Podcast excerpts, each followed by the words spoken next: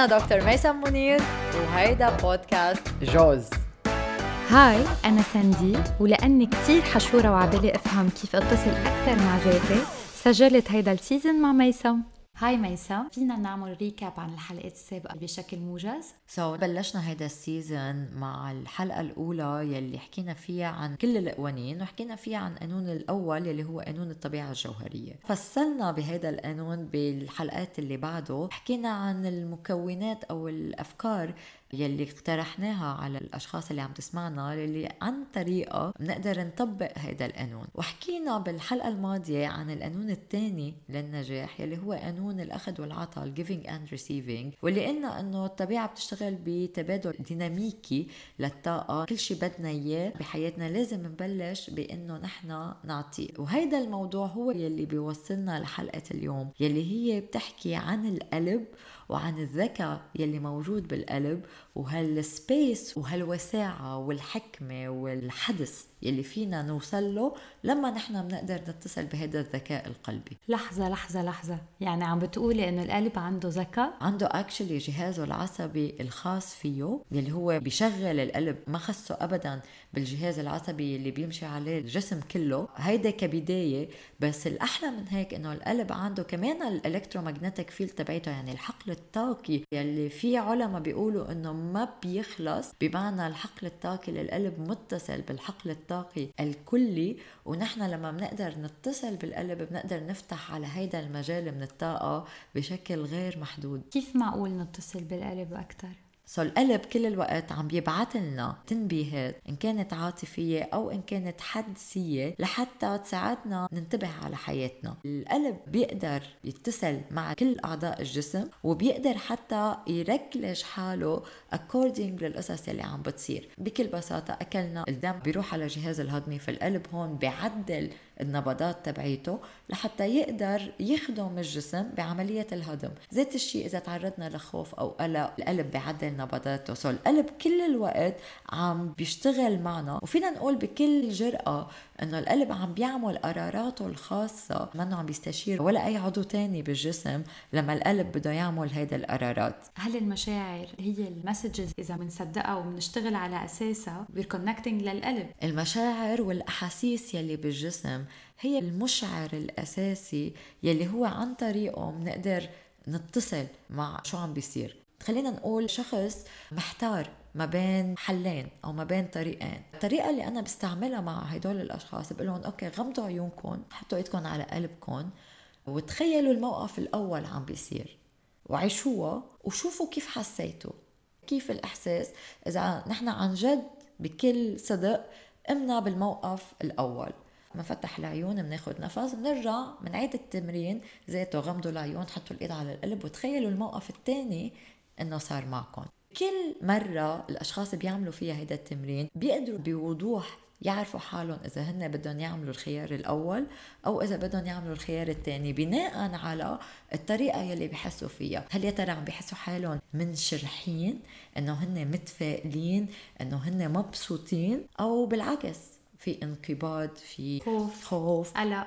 منه كتير متحمسين. أوقات يمكن ما بكون كتير خايفة أو في مشكل بس بحس حالي إنه ما كتير عبالي. ميسم كمان اللي قلتيه متصل بشكل مباشر بالفيجواليزيشن يعني لما نحن كمان نغمض عيوننا بيكون في فرصة معينة ومنتخيل حالنا بهالموقف نفسه. ومنجرب نحس كل أحاسيس معقولة نحسها إذا عن جد عشناه لنشدها أكثر صوبنا. فقد إيه مهم اللي عم تقوليه؟ إنه نعرف نستعمل هالذكاء لنقدر نوصل لأشياء ولفرص بدنا إياها بحياتنا. اللي عم تحكيه ساندي على فكرة هو بالضبط ليش نحن عم نحكي بهيدا الحلقة. سمعنا عن شيء اسمه law of attraction أو قانون الجذب. فعليا لما نحن بدنا نوجه الملكات الفكرية العقلية العاطفية تبعتنا لحتى نقدر نخلق شيء بحياتنا. صراحة هيدا ببلش من نحن كيف حاسين تجاه هيدا الشيء وهل يا ترى عن جد هيدا الشيء عم بيعطينا هدول الأحاسيس اللي أنت حكيتي عنهم؟ أحاسيس إيجابية هل يا ترى هيدا الشيء عن جد بيجيب لنا السعادة والفرح؟ وإذا قدرنا نحن نعيش أو نحصد أو نركز على النتيجة النهائية يلي هي السعادة الفرح التفاؤل الإحساس اللي نحن بدنا إياه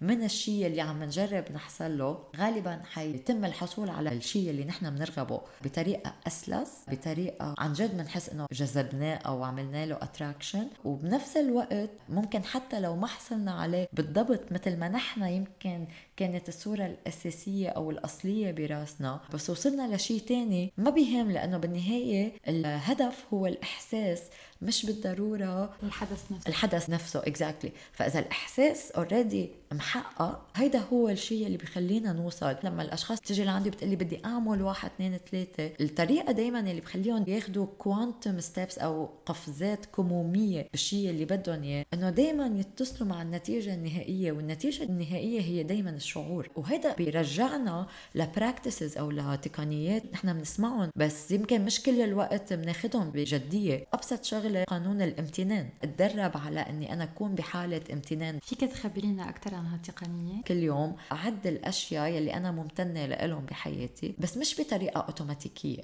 يعني في عالم بتقلي إيه أنا بعمل gratitude بس هن فعليا بس عم بيعدوهم بطريقة فكرية منهم عم بيتصلوا مع الشعور مره تانية بنرجع لفكرة الشعور من وراء الشيء اللي عم بخليهم يحسوا بالامتنان. فأنا إذا بدي عن جد مارس هذه التقنية بدي أعد الأشياء اللي أنا ممتنة لها وبدي ركز على الشعور يلي أنا بحسده من لما ركز على كل نقطة من هدول النقط إذا أنا مثلا كتبت أنا ممتنة لأني أنا بصحة منيحة عن جد لازم كون عم بحس بأهمية هيدا الصحة عم بحس بجسمي عم بحس بنبض الحياة. إذا أنا ممتنة للأصحاب اللي عندي باخد لحظة بتذكر يمكن موقف حلو ضحكنا مع بعض كان في ذكرى جميلة. أنا عندي دفتر جورنال خاص بس لحتى أكتب القصص اللي أنا بنبسط فيها بكتب حوالي خمس صفحات على الأقل.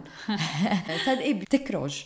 يعني once تبلشي وتفتحي هيدا الباب وهذا كمان شيء بيقولوه بقانون الجذب إنه نحن بس نلقط فكرة ونضلنا عم نمشي فيها. الفكرة اللي بعدها حتيجي من ذات النوعية ومن ذات ال vibration فنحن لما بنمسك هال vibration تبعت الامتنان بتبلش الفكرة بتكرج ورا الثانية ورا الثالثه يعني خمس exactly exactly خمس صفحات وبحس إنه wow لسه بعد عندي أكثر وبتصير الأشياء البسيطة مهمة قد قد الأشياء الكبيرة. وبنصير عن جد بنقدر هدول القصص بنشعر بالامتنان لكل شيء حلو حوالينا. وقد ممارسة هي التقنية بشكل يومي بتغير بنظرتنا للأمور وبتخلينا نركز على الميل المليان الكباية لأنه أكيد بحياة كل حدا فينا في قصص كتير نزعل بسببها. بس قد مهم نتذكر قد إيه في قصص تانية نحس بالامتنان لأنه عنا إياها. كل ما منولف حالنا ليترلي هي تدريب. بدنا نلقط هيدا ال vibration. وندرب دماغنا إنه يطلع على القصص الإيجابية. في كتير research على هيدا الموضوع. قد إيه بيعطينا تفاؤل ونظرة إيجابية وبيقوي لنا المناعة تبعتنا إن كان صحيا عم نحكي على الجسم أو إن كان عم نحكي على السايكولوجي والنفسية. أكيد ال benefits كتير عالية. بهمنا نذكر إنه حتى لو حكينا عن الموضوع إذا ما عملنا practice إذا ما اخذنا وقت ولو دقيقة وقلنا الحمد لله أنا اليوم وعيت على الدنيا وعندي فرصة إني أنا أختبر هيدا الحياة بهالقد فيها تكون القصص بسيطة. وكل ما أنا بقدر ركز انتباهي على قديش في نعم هذا بيرتبط بالقانون الثاني اللي هو إني أنا عم بستقبل خيرات الطبيعة وبيفتح المجال لحتى الطبيعة تعطيني أكثر وأكثر قبل ما تخلص الحلقة فيك تعطينا جملة أو اثنين يستخدموها المستمعين يعبروا فيها عن امتنان تجاه الصحة أو تجاه الطبيعة. غير الحمد لله نحن فينا نقول أنا ممتنة للطقس الحلو إذا كان الطقس حلو أنا ممتنة لجسمي. إذا كنت عندي أشخاص بحبوني فيني أقول أنا ممتنة لهدول الأشخاص وحس بهالفرح إنه في عندي عالم بحياتي. الفكرة إنه وين ما كنا فينا نقول أنا ممتن لشيء يلي أنا بيسعدني. سو so يمكن أنا آكل أكلة طيبة أقول الحمد لله على هيدا الأكلة. يمكن حدا يعطيني هدية. يعني ميسم هلأ صدقت إنه فيك تكتبي خمس صفحات. يعني طلبت ثلاث جمل أنا. في أقول جملة أنا كثير ممتنة إنه عندي life coach أو مدرب مثل ميسم بحياتي آه حياتي وأنا كتير ممتنة إنه نحن عنا هيدا الفرصة لحتى نشارك هدول التقنيات وممتنة لكل شخص عم بيسمع هيدا البودكاست وحكون ممتنة أكثر لما بينشروه مع أصحابهم وبيشاركوا ال positivity لأنه بالنهاية هيدا هو هدفنا.